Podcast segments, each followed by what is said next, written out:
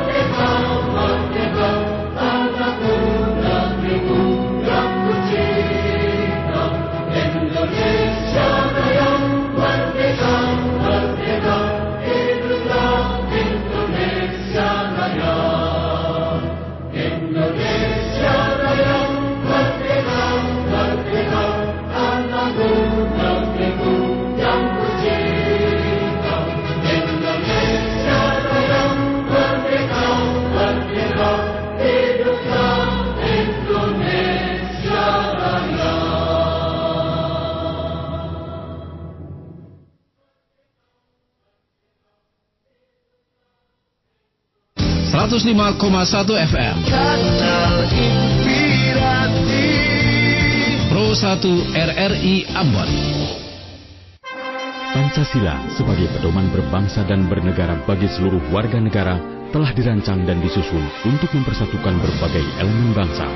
Menpan RB Cahyokumolo menghimbau kepada seluruh aparatur sipil negara untuk melaksanakan apel wajib mulai 1 Juli 2021. Diputuskan bahwa setiap hari jam 10 berselang-seling wajib di kantor menyanyikan lagu Indonesia Raya dan pembacaan teks Pancasila. Diikuti oleh seluruh pimpinan dan staf kantor. Yang satu bulan ini sudah kita praktekkan di kantor Kemenpan RB. Untuk hari Senin, upacara bendera, hormat kepada bendera, menyanyikan lagu kebangsaan Indonesia Raya, pembacaan teks Pancasila, pembacaan prasetya korpri, dan pengarahan dari dari pembina upacara. Itu yang kita inginkan.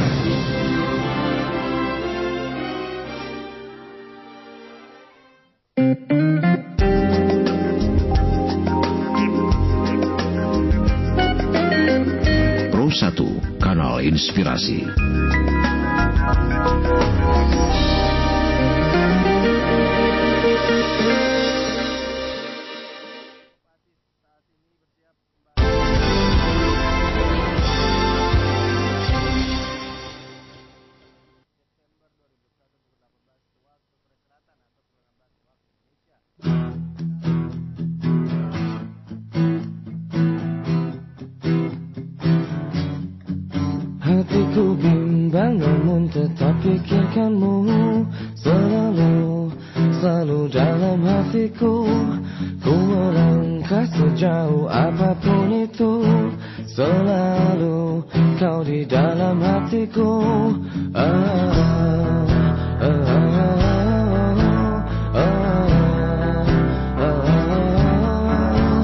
Ku berjalan, berjalan memutar waktu. Berharap temukan sisa hatimu. Mengertilah ku ingin engkau begitu. Mengerti kau di dalam hatiku. Tak bisakah kau menungguku? Hingga nanti tetap menunggu. Tak bisakah kau menunggu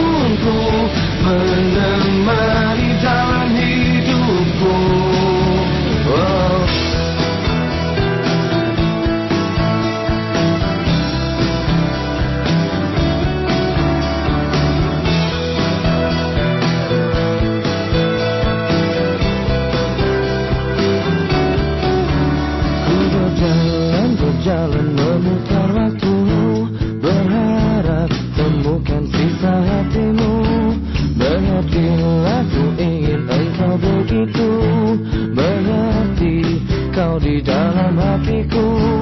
Jangan kau menjadi hidupku. Ke mana kau tahu isi hatiku? Tunggu sejenak aku di situ. Jalanku, jalan menemukanmu. Tapi takkan kau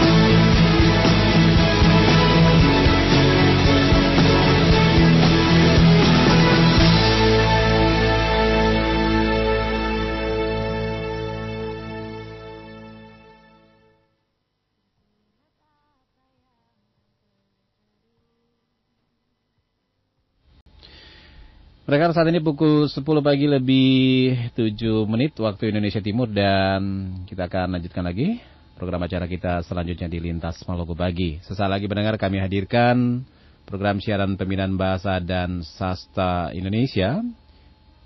Program kerjasama dengan kantor bahasa Maluku yang hari ini akan berbicara tentang sastra anak dan budaya literasi. Dan nanti kami akan hadirkan dari kantor bahasa Maluku, narasumber Sarodun Ulfa SS. Tetap bersama dengan kami di Pro 1 RRI Ambon, kanal Inspirasi Pendengar. Kanal Inspirasi Pro 1 RRI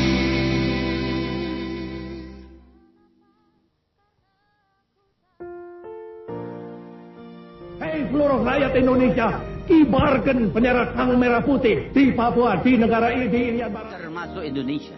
Sumber daya alam yang dimilikinya harus pandai-pandai dimanfaatkan. Keindahan berputar melawan waktu dan aku tiba-tiba teringat padamu. Barangkali senja ini bagus untukmu.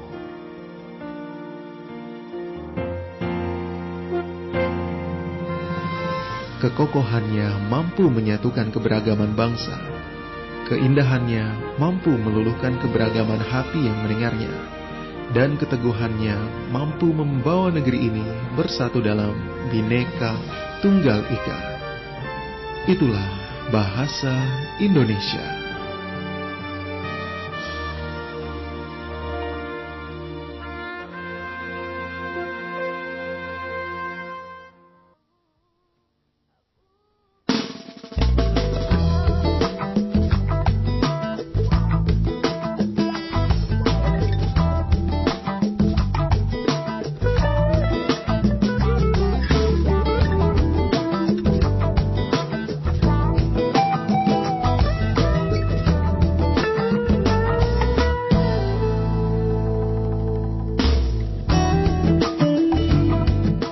Pendengar kita di program siaran pembinaan bahasa dan sastra dan sebagaimana tadi topik kita hari ini yaitu sastra anak dan budaya literasi dan menghadirkan narasumber kita dari kantor bahasa Maluku yaitu Zahrodun Ulfa SS.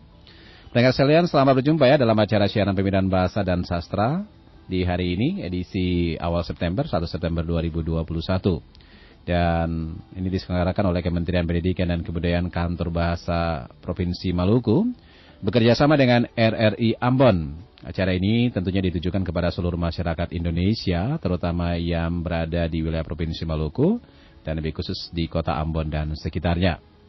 Dan pendengar di mana pun berada, saat ini kita akan bersama dengan Ibu Zaratun Ulfa SS, atau yang biasa dipanggil Ibu Ulfa, pengkaji bahasa dan sastra di kantor bahasa Maluku, pada kesempatan ini dan kita akan membahas tentang sastra anak dan budaya literasi. Saya menyapa dulu narasumber kita yang saat ini sudah berada di ujung telepon. Selamat pagi, Assalamualaikum Ibu Ulfa. Uh, selamat pagi, Waalaikumsalam Bapak. Iya. Sehat-sehat selalu. Salam sehat ya Ibu Ulfa ya hari ini ya. Iya, ya, Alhamdulillah. Oke. Ibu, uh, saat ini lagi apa ini? Lagi di kantor atau lagi di rumah atau lagi apa kesibukannya? Ya, Alhamdulillah ini masuk kantor Pak. Oh, sudah di kantor ya? Kita jadwalnya WFH-nya. Karena kantor kami masih menerapkan apa? Uh, WFA dan kerja di kantor. Oh, masih menerapkan kami. WFH ya, dan WFO ya? Iya. Ya, work from office dan work from home. home iya. Baik, um, Hari ini kita akan berbicara tentang sastra anak dan budaya literasi. Betul kan Ibu Ulfa? Iya, betul sekali Pak Teis. Iya. Dan baik, langsung saja untuk tidak membuang waktu ya, berhubung juga Ibu Ulfa lagi work from office ya, jadi beraktivitas. Nah, dan uh, tentunya yang pertama yang ingin saya tanyakan di saat ini Nah, ini terkait dengan topik kita yaitu sastra anak dan budaya literasi. Nah, siap, siap. apa yang dimaksud dengan sastra anak ini, Ibu Ulfa? Silakan. Siap. Uh, sebelum saya menjawab pertanyaan, izinkan saya menyapa para pendengar Baik, dulu, silakan. Pak Ais. Ya. Selamat pagi para pendengar, sahabat bahasa dan sastra yang dikasih. Semoga uh, semuanya dalam kondisi yang sehat dan terima kasih atas kesempatan yang diberikan pada pagi ini. Hmm. Semoga bincang-bincang pagi ini dapat memberikan manfaat bagi masyarakat khususnya Provinsi Maluku tercinta. Iya. Nah, terkait e, dari pertanyaan Pak Tais tadi, apa sih yang dimaksud dengan sastra anak? Hmm. Nah, pertanyaan yang menarik ini Pak, sebelum kita masuk ke topik yang lebih lanjut, ya. apa itu sastra anak? Nah, dalam kesempatan ini saya mengambil pengertian dari salah satu buku yang hmm. berjudul Hakikat Sastra Anak hmm. bahwa sastra anak merupakan sas karya sastra yang secara khusus dapat dipahami oleh anak-anak. Dari segi temanya pun juga akrab dengan dunia anak-anak kisaran untuk usia 6 sampai 13 tahun. Hmm. Dan di dalam buku tersebut juga dijelaskan bahwa sastra anak berfungsi sebagai media pendidikan dan hiburan yang mampu membentuk kepribadian dan menuntun kecerdasan emosi anak. Nah, sebagai media pendidikan, hmm. sastra anak tentunya ini memuat amanat atau pesan moral yang membentuk karakter positif bagi anak-anak. Misalnya, nilai-nilai kejujuran, keikhlasan, tolong menolong, bahkan nilai-nilai kepahlawanan. Hmm. Nah, adapun fungsi hiburannya, sastra anak dapat membuat anak merasa bahagia atau senang membaca ataupun mendengarkan cerita. Dengan demikian, si anak mendapat kenikmatan ataupun kepuasan batin yang turut mendukung kecerdasan emosinya. Nah, saya juga mengutip uh, salah satu dari ahli bahasa dan sastra ya. Iya. Ada pengertian lain juga sastra anak menurut Nurgiantoro dalam bukunya Pengantar Sastra Anak. Beliau turut mendefinisikan sastra anak yakni adalah buku bacaan yang sengaja ditulis untuk anak-anak sehingga terdapat perbedaan bahasa dan tema yang terkandung hmm. di dalamnya. Iya. Isi buku tersebut disesuaikan dengan minat dan dunia anak-anak serta tingkat perkembangan emosional dan intelektual anak sehingga anak dapat uh, tertarik dengan bahan bacaan. Nah, di sini ada pembeda sastra anak dengan sastra dewasa menurut Sarumpait uh, ada tiga pembedanya. Yang pertama, sastra anak biasanya terdapat tantangan tema. Hmm. Uh, dalam temanya biasanya menghindari masalah yang menyangkut seks, dendam, ataupun eh, topik-topik yang menimbulkan kebencian. Iya. Yang kedua, penyajian tokohnya bersifat langsung sehingga kita dapat eh, membedakan mana itu tokoh yang baik ataupun tokoh yang buruk. Nah, yang ketiga perbedaannya ada di fungsi terapan, Mhm. yaitu dalam sastra anak sajian cerita atau topik cerita bersifat menambah pengetahuan yang bermanfaat bagi anak-anak. Begitulah kira-kira sedikit eh, pengertian tentang sastra anak yang bisa saya sampaikan, Pak Teis. Iya. Yang pasti ketika uh, anak ini mereka ada di apa atau anak-anak masih berada di usia anak ini kan mereka dalam tahap perkembangan dan butuh edukasi-edukasi. Jadi menghindari yang seperti seperti tadi hal-hal yang uh, bersifat apa uh, seperti tadi permasalahan apa tuh uh, Kebencian atau dendam, kebencian, ya atau hal-hal yang yang mengumbarkan pornografi dan semacamnya ya, begitu ya? Betul sekali, Pak. Iya. Ini juga untuk eh, mengarahkan bagaimana untuk mental mereka begitu, jangan sampai Iya, moral supaya gitu ya. Nilai positif Betul, betul. eh, Hmm. ada sejak dini di apa dalam usia anak-anak. Iya. Gitu sih. Bagaimana untuk mengedukasi moral anak-anak sejak dini ya? Betul. Oke. Betul sekali Pak Teh. Baik. Nah, yang berikut, nah, setelah menjelaskan awal tadi, saya ingin menanyakan lagi nih, Ibu Ulfa. Iya. Sekali. iya. Kira-kira selanjutnya bagaimana pengaruh dari sastra anak ini dengan budaya literasi itu sendiri, Bu Ulfa? Iya, baik Pak Teis. Tentu eh, ini sangat berkaitan dengan judul yang saya sampaikan, Iya. sastra anak dan budaya literasi. Mhm. Dari pengertian sastra anak yang sudah saya sampaikan, tentu ada kaitan yang sangat erat antara sastra anak dan budaya literasi. Nah, sebelum itu eh, kita bahas lebih dulu ini. Apa sih ini eh, budaya literasi? Nah, di sini saya sedikit menjelaskan eh, budaya literasi atau kata literasi ber- berasal dari bahasa Latin yang bermakna literatus eh bahasa Latin mohon maaf Iya. eh, dari kata literatus yang bermakna eh, belajar orang yang belajar. Nah selanjutnya menurut salah satu ahli bahasa Harvey J. Graff Hmm. Eh, literasi adalah satu kemampuan dalam diri seseorang untuk menulis dan membaca. Jadi dari pengertian singkat tadi dapat sim- disimpulkan Ya. secara sederhana bahwa budaya literasi adalah kebiasaan yang menitik beratkan pada kecakapan membaca dan menulis, termasuk juga berpik- berpikir kritis dalam memecahkan suatu permasalahan, serta kemampuan berkomunikasi secara efektif sehingga menghasilkan beberapa keterampilan yang dapat mengembangkan potensi diri di dalam masyarakat. Nah, eh, budaya literasi sendiri menurut kami di Kementerian Pendidikan Kebudayaan Riset dan Teknologi Mhm. sudah disepakati eh, ada banyak Pak eh, sebenarnya keterampilan yang harus dikuasai. Iya. Ya, in- sementara ini ada enam. Eh, saya jelaskan secara singkat. Oke, boleh. Eh, yang ya, yang pertama eh, literasi baca tulis, yakni kemampuan untuk memahami isi teks eh, tertulis, baik yang tersirat maupun tersurat, sehingga Mhm. eh, bermanfaat untuk mengembangkan pengetahuan dan potensi diri. Nah, dengan kemampuan baca tulis yang mumpuni, seorang individu ataupun anak-anak dapat dengan mudah berekspresi menuangkan gagasan atau ide-ide ke dalam tulisan Mhm. sehingga ilmu tersebut dan eh, dapat dimanfaatkan eh, bagi diri dan masyarakat secara luas. Eh, selanjutnya ada literasi numerasi, cakapan untuk menggunakan berbagai macam angka dan simbol yang terkait dengan matematika dasar untuk memberikan masalah praktis dalam berbagai konteks eh, konteks kehidupan sehari-hari. Nah, yang ketiga, eh, literasi sains merupakan kacak, eh, kecakapan memahami alam dan fenomena sosial Hmm. di sekitar dengan data- data-data ilmiah yang dapat dipertanggungjawabkan kebenarannya. Iya. Nah, dengan literasi sains ini kita mampu memilih informasi yang tepat sehingga mampu membuat keputusan yang tepat dan dapat secara ilmiah.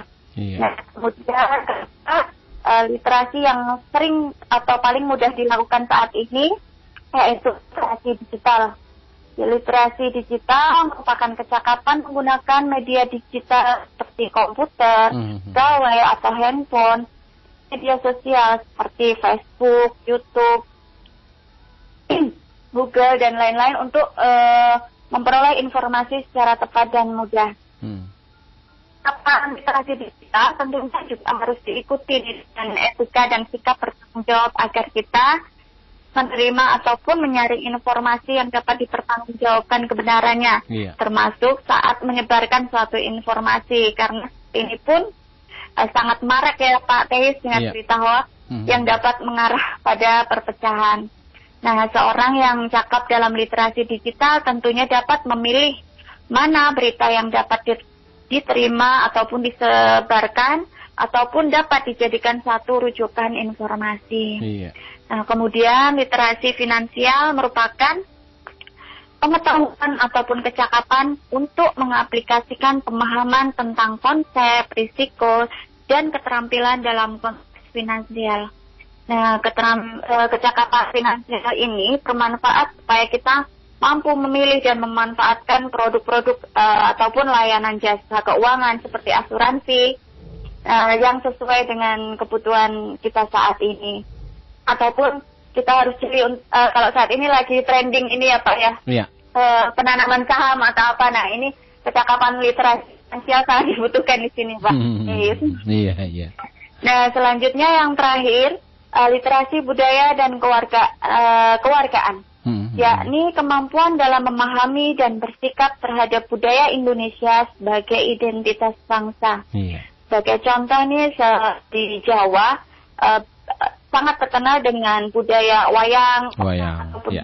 kurit. Nah hmm. di Maluku tentu lebih lebih banyak lagi Cakalele. yang ada karena kan uh, banyak kepulauan di sini ya, hmm. seperti ada tari cakalele, iya. maku-maku, maku, pukul menyapu, dan masih panas banyak ya pak ya. Banyak banyak, nah, nah. banyak budaya di sini ya. Ya dari keenam literasi tersebut ada satu yang paling mendasar untuk dikembangkan yakni keterampilan baca tulis. Hmm. Nah, kecakapan baca tulis ini akan turut meningkatkan kreativitas dan imajinasi termasuk dapat uh, memperkaya kosakata dari berbagai bidang ilmu.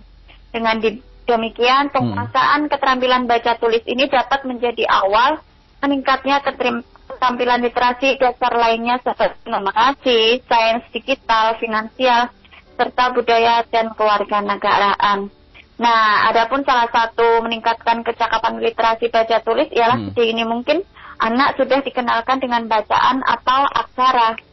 Nah, sebelum membaca atau menulis sebagai orang tua biasanya mengenalkan anak-anak kita dengan bahan bacaan yang akan dibacakan biasanya sebagai pengantar sebelum tidur ya Pak Teis. Hmm, iya, iya. Nah, dari hal tersebut orang tua harus memilah bahan bacaan seperti apa yang sesuai uh, untuk anak-anak. Iya. Nah, dari penjelasan yang tadi tentu uh, sastra anak menjadi sangat berpengaruh hmm. atau sangat uh, penting ketika kita ingin menyajikan bahan bacaan kepada anak-anak. Iya. Nah, uh, karena diharapkan sastra anak mampu menjadi pilihan awal untuk meningkatkan budaya literasi semenjak usia dini. Gitulah kira-kira Pak Teis. Iya. Penting sekali ya. Iya. Ini merupakan sesuatu yang penting harus dilakukan oleh orang tua. Betul ya, saya masih ingat dulu-dulu tuh kalau masa anak-anak kalau kita mau disuruh biar cepat bobo ya kita dikasih dongeng dikasih cerita dongeng. kita dongeng sebelum tidur betul dongeng sebelum kita tidur pilih kan pak bahan bacaan iya. apa yang tepat untuk anak-anak kita nah salah satunya dengan menyajikan bahan bacaan yang bermuatan dengan sastra anak Gitu kira iya. Pak Saya ingat dulu-dulu itu kalau orang tua biar kita tuh cepat apa merasa takut dan tidak boleh bermain di saat jam istirahat tuh biasanya dicerita yang ditampilkan tuh misalnya cerita nenek luhu. Kalau anak-anak main iya, di luar iya. itu nanti akan ditangkap sama si nenek luhu. Tahu-taunya itu kan cuma sekedar cerita saja yang terbawa-bawa ya. Iya. Oke. Okay. Baik. Ibu Lufa, kita nanti ke pertanyaan berikut, ke sesi berikut, tapi kita dengar dulu yang satu ini ya Ibu Lufa ya. Oh, siap-siap. Baik. Ya. Hmm. Ya, pendengar kita lanjutkan kembali di siaran pembinaan bahasa dan sastra pagi ini kerjasama dengan kantor bahasa Maluku bersama narasumber kita Ibu Ulfa dan masih membahas tentang sastra anak dan budaya literasi. Baik. Halo Ibu Ulfa, masih ada? Halo Pak. Baik. Kita lanjutkan lagi ya Ibu Ulfa ya acara ini hingga tuntas nanti ya di sesi lanjutan. Ya. Ya. Tadi setelah mendengarkan penjelasan-penjelasannya ya saya juga terkesimak tadi dengan penjelasan dan memang itu betul ya, betul sekali bagaimana yang dilakukan. Nah, tentunya di sini selain peran tadi orang tua bagaimana untuk eh, apa men- apa membuat anak-anak ataupun juga ketika iya iya mengedukasi anak-anak kemudian juga bercerita kepada anak-anak ini dan ini dan cerita-cerita itu harus eh, ada nuansa atau punya makna yang tertentu yang bisa mengajak anak ini untuk eh, apa begitu ya. Nah, di sini saya ingin menanyakan bagaimana juga peran dari kantor bahasa Provinsi Maluku untuk memanfaatkan sastra anak untuk menambah keterampilan literasi mereka sendiri khususnya yang ada di Provinsi Maluku ini begitu Ibu Ulfa. Ah, siap, siap Pak. Saya, Hmm. ya, sejauh ini kantor bahasa Provinsi Maluku terus berupaya Hmm. eh, melakukan kegiatan atau untuk pemenuhan ketersediaan sastra anak, eh, khususnya berupa bahan bacaan yang identik atau berasal dari Provinsi Maluku. Hmm. Karena jujur eh, sastra anak eh, di mungkin di kantor eh, di kantor bahasa Maluku masih sangat kurang. Jadi eh, dari tahun ke tahun kami melakukan upaya untuk menambah eh, jumlah koleksi bahan bacaan yang terkait dengan sastra anak. Nah, eh, adapun ke- eh, beberapa kegiatan tersebut eh, seperti penulisan cerita rakyat. Yang ini bertujuan untuk pemenuhan bahan bacaan yang menarik dan sesuai dengan tingkat usia pembaca. Nah, kegiatan ini pernah ditujukan untuk eh, guru tingkat SD dan SMP. Mereka diberi pelatihan menulis dan usai pelatihan meru- eh, menulis, mereka diwajibkan untuk mengirimkan hasil karya berupa cerita rakyat. Nah, karya-karya tersebut selanjutnya dibukukan oleh Kantor Bahasa Provinsi Maluku dan eh, didistribusikan ke sekolah-sekolah ataupun dinas-dinas terkait, khususnya dinas pendidikan di daerah eh, untuk menambah koleksi bahan bacaan di eh, dae- daerah Maluku.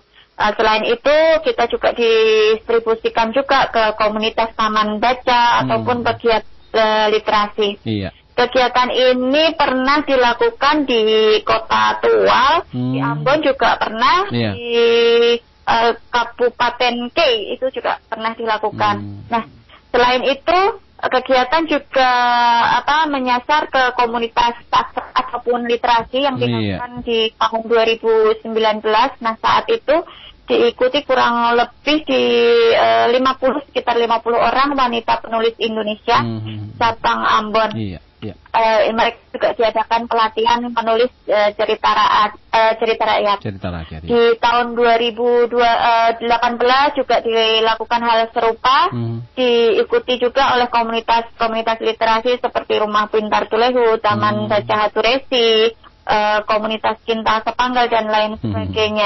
Nah, di tahun 2021 ini, Kantor Bahasa Provinsi Maluku juga mengumpulkan dan menerjemahkan cerita rakyat ke dalam bahasa daerah Maluku. Iya.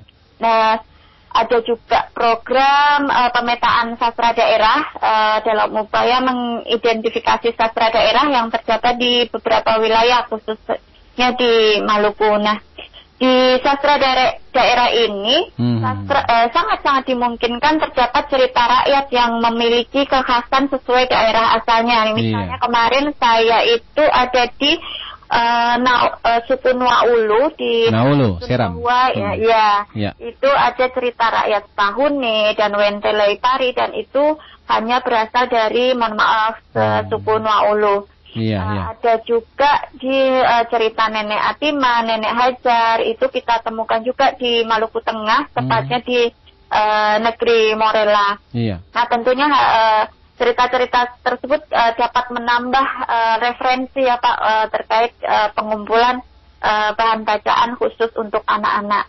Iya. Pemetaan sastra ini Ya. dilakukan sesuai persebaran di eh, bahasa daerah di Maluku Hmm. yang saat ini menurut tim pemetaan bahasa kantor itu eh, sebanyak 62 bahasa daerah dan Hmm. kemungkinan ini masih akan terus berlanjut dan bertambah. Eh, untuk itu eh, kita masih eh, harus berupaya keras karena baru uh, tahun ini baru tiga lokasi Pak kita turun di uh, yang semuanya itu di Maluku Tengah Iya. di wilayah tutur bahasa Hitu di negeri Hitu, negeri Molela, sama Hmm. satu lagi kemarin di Kaitetu. Dan selanjutnya kita kemarin menyasar di wilayah di daerah Iya. yaitu Pak sama di dusun Rohua yang mereka eh, merupakan penutur bahasa Naulu. Nah, lu. hmm. Nah, eh, selain apa mene- eh, bertujuan meningkatkan bahan literasi baca tulis, Iya. kegiatan ini juga bertujuan untuk melindungi bahasa dan sastra daerah eh, di Maluku yang eh, mohon maaf eh, kita juga tidak dapat pungkiri bahwa Mhm. beberapa bahasa daerah di provinsi ini me- mengalami kemunduran atau bahkan Punah. eh, terancam punah. Iya. Iya, betul, betul. Nah, Betul. Jadi Iya. kita ada kegiatan yang sinkron antara pemeta eh, apa pelindungan bahasa dan sastra termasuk dengan eh, upaya untuk menambah bahan bacaan eh, anak eh, Hmm. termasuk sastra anak begitu Pak. Iya. Betul Ibu Ulfa, Maluku ini punya punya itu sejarah terkait dengan literasi, bahasa dan budaya yang begitu banyak, cerita-cerita rakyat Maluku juga banyak. Bahkan sampai sekarang memang ada beberapa yang sudah tidak terdengar sama sekali, entah mungkin Iya, sudah ini merupakan PR Heeh. sama ya Pak. Ini tugas Ya, beratnya kantor bahasa juga nih ya, tugas beratnya. Iya betul. Heeh. Tentunya Iya. harus didukung juga dengan masyarakat dengan mereka Hmm, eh, tidak malu lagi untuk menggunakan Betul. bahasa daerah. Bahkan orang tua harus mulai mengajarkan kembali bahasa-bahasa daerah itu di ling- paling tidak di lingkungan terkecil, di Hmm, lingkungan keluarga, eh, supaya nanti di luarnya mereka tetap bisa menggunakan bahasa. Betul, betul. Iya. Ditakutkan nanti perkembangan teknologi yang terus maju, akhirnya orang sudah biasa di kota, mereka tidak peduli lagi dengan bahasa asli daerahnya begitu ya. Iya betul sekali Mas. Menggunakan Iya. gadget, biasanya kalau orang pakai gadget kan ya bahasa-bahasa gaul, bahasa-bahasa media kan Iya, ini berpengaruh sekali nih, iya betul. Bahasa asal. Ya. betul, betul, betul. Iya. Nah, selanjutnya ya wak- waktu kita masih ada, saya ingin bertanya lagi nih Ibu Ulfa ya, mudah-mudahan tidak bosan-bosan ya Ibu Ulfa ya. Ya Pak masih semangat Pak Ais. Oke, nah Ya. terkait dengan tugas-tugas tadi yang sudah dijelaskan bagaimana menyelamatkan bahasa-bahasa ataupun juga kebudayaan bahkan cerita rakyat Maluku yang mungkin terancam dari kepunahannya. Nah, apa yang menjadi tantangan atau hambatan Ya. di provinsi Maluku ini ya tentunya ya? Karena usaha-usaha perjalanan kita pasti ada kendala dan hambatannya Ibu Ulfa ya. Iya. Nah, nah ini tetap semangat Pak. Berusaha semangat Oke. untuk ya supaya tujuan kita bisa tercapai Betul. eh, bersama. Ya. Nah, Nah, kira-kira dalam menjalankan ini apa yang menjadi tantangan atau hambatan di Provinsi Maluku ini untuk meningkatkan budaya literasi itu sendiri nih, Ibu Ulfa? Ya.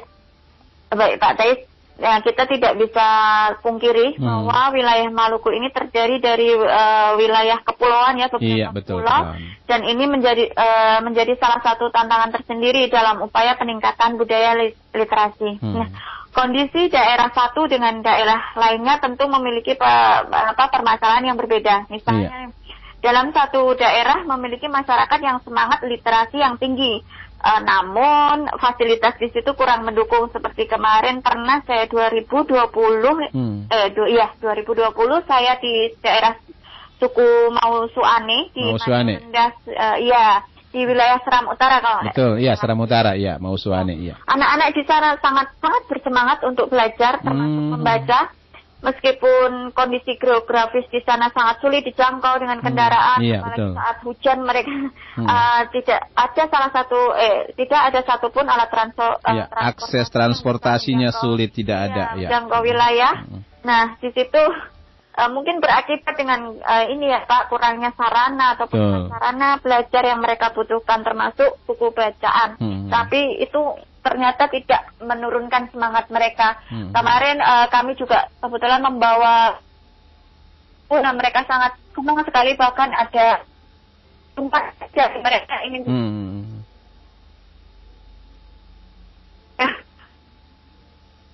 Iya,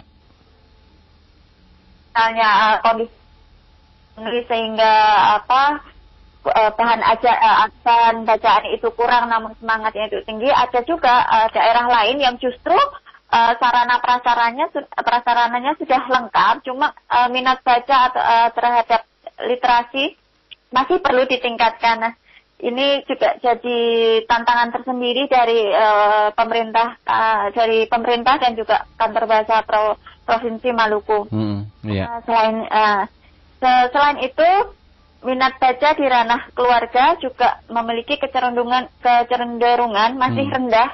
Nah ini juga salah satu hambatan yang paling mendasar padahal keluarga juga merupakan fondasi pertama dalam mengajarkan hal-hal positif di dalam kehidupan termasuk dalam menumbuhkan minat baca bagi anak-anak. Jika dalam satu lingkup keluarga tidak dibiasakan budaya literasi, tentu seorang anak juga akan sulit membiasakannya di, di kemudian hari. Nah, untuk itu keluarga sangat penting. Eh, ada juga hambatan yang lainnya. Kita bacaan. Ini juga semakin dengan Kementerian Pendidikan di tahun 2019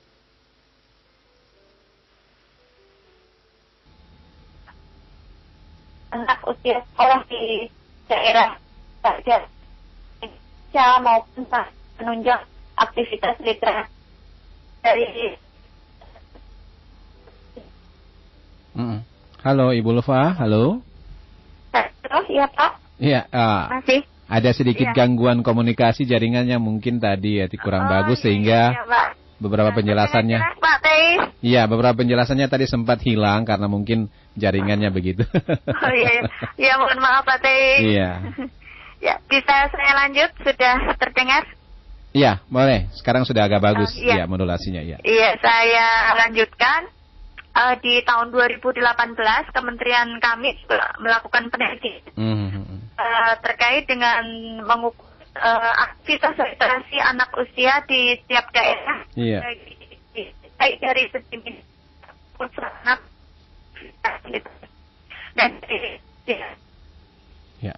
Ibu Lufa, Ibu Lufa, halo. Iya. Ibu Lufa, tahan tahan sedikit dulu, tahan sedikit dulu. Iya. Iya, nanti coba saya perbaiki ya komunikasi kita ya, Ibu ya, sebentar biar penjelasannya bisa uh, dengar dengan jelas.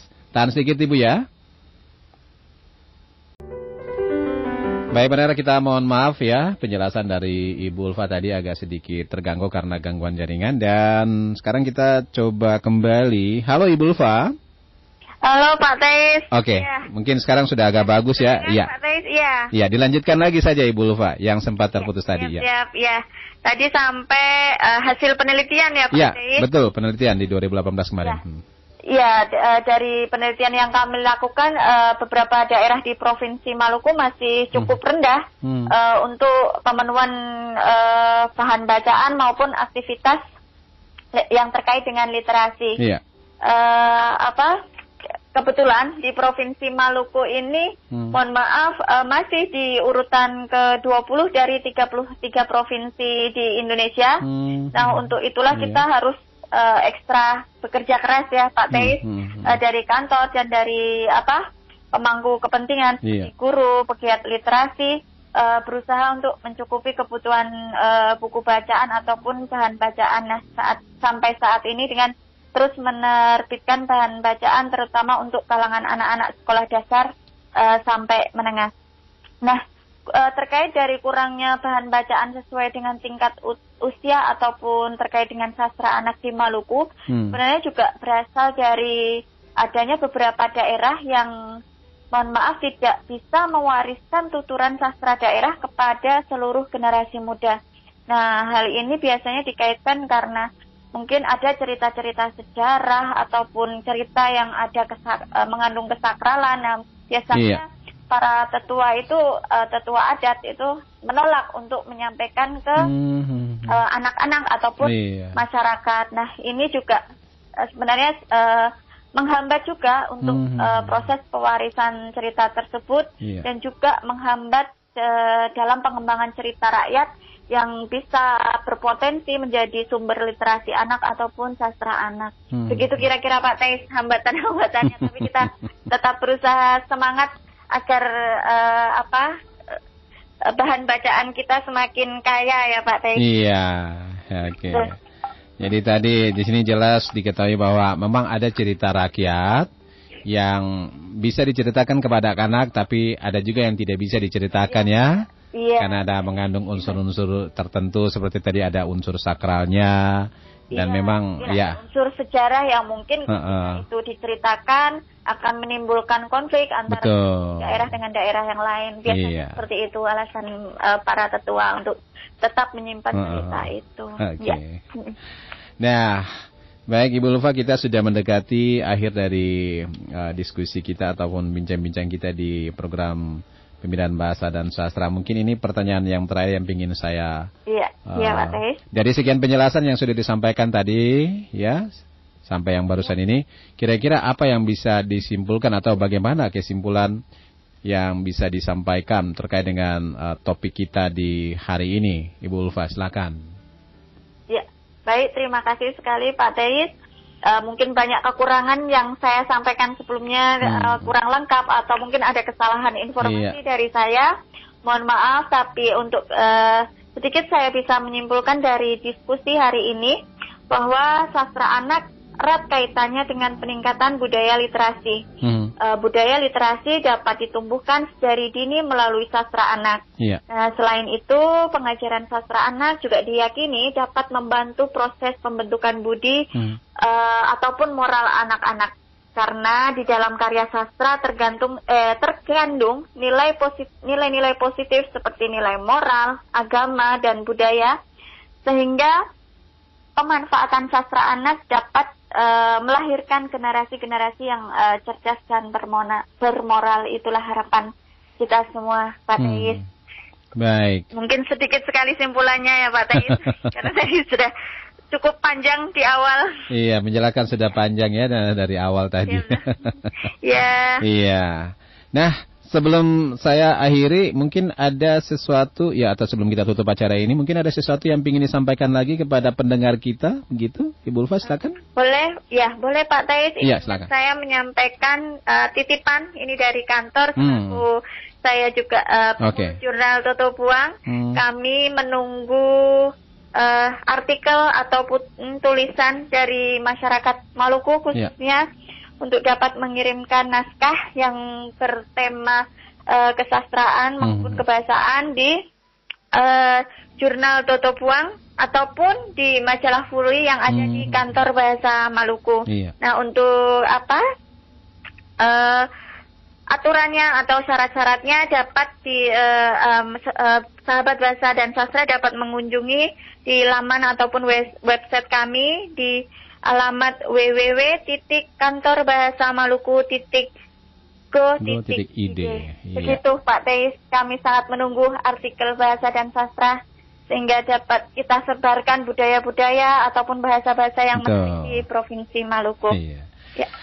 Jadi kantor bahasa Maluku tetap terbuka untuk masyarakat Maluku yang ingin menyampaikan aspirasinya seputar informasi Iya, ilmiah, sastranya, tulisan-tulisannya mengenai budaya dan literasi yang ada di Maluku ini ya. Begitu ya, Ibu Ulfa ya. Siap Pak Teis, Baik. ya kami tunggu. Kesempatan masih ada dan itu nanti kan dipublikasikan di majalah itu ya, Toto Buang tadi. Iya, betul. Uh, jurnal ilmiah, majalah Fuli. Dan Iya. itu ya terbit eh, satu tahun dua kali. Hmm, dua tahun sekali ya. Jadi sangat terbuka Hmm. kesempatannya bagi seluruh masyarakat di Provinsi Baik. Maluku. Baik. Ya. Ya, terima kasih banyak Ibu Ulfa sudah bersama dengan kami di program siaran pembinaan bahasa dan sastra terkait dengan sastra anak dan budaya literasi. Sampai di sini kebersamaan. Sama-sama, Pak Iya. Mohon maaf banyak kesalahan yang saya sampaikan. Iya. Baik Ibu Ulfa, terima kasih. Sampai jumpa lagi dan salam sehat. Iya, sampai Iya. jumpa Pak Teh. Salam sehat. Ya, hormat kami untuk semua di kantor bahasa Maluku ya. Semoga sukses dengan aktivitasnya. Ya. Baik, Pak Teh. Terima kasih. Baik.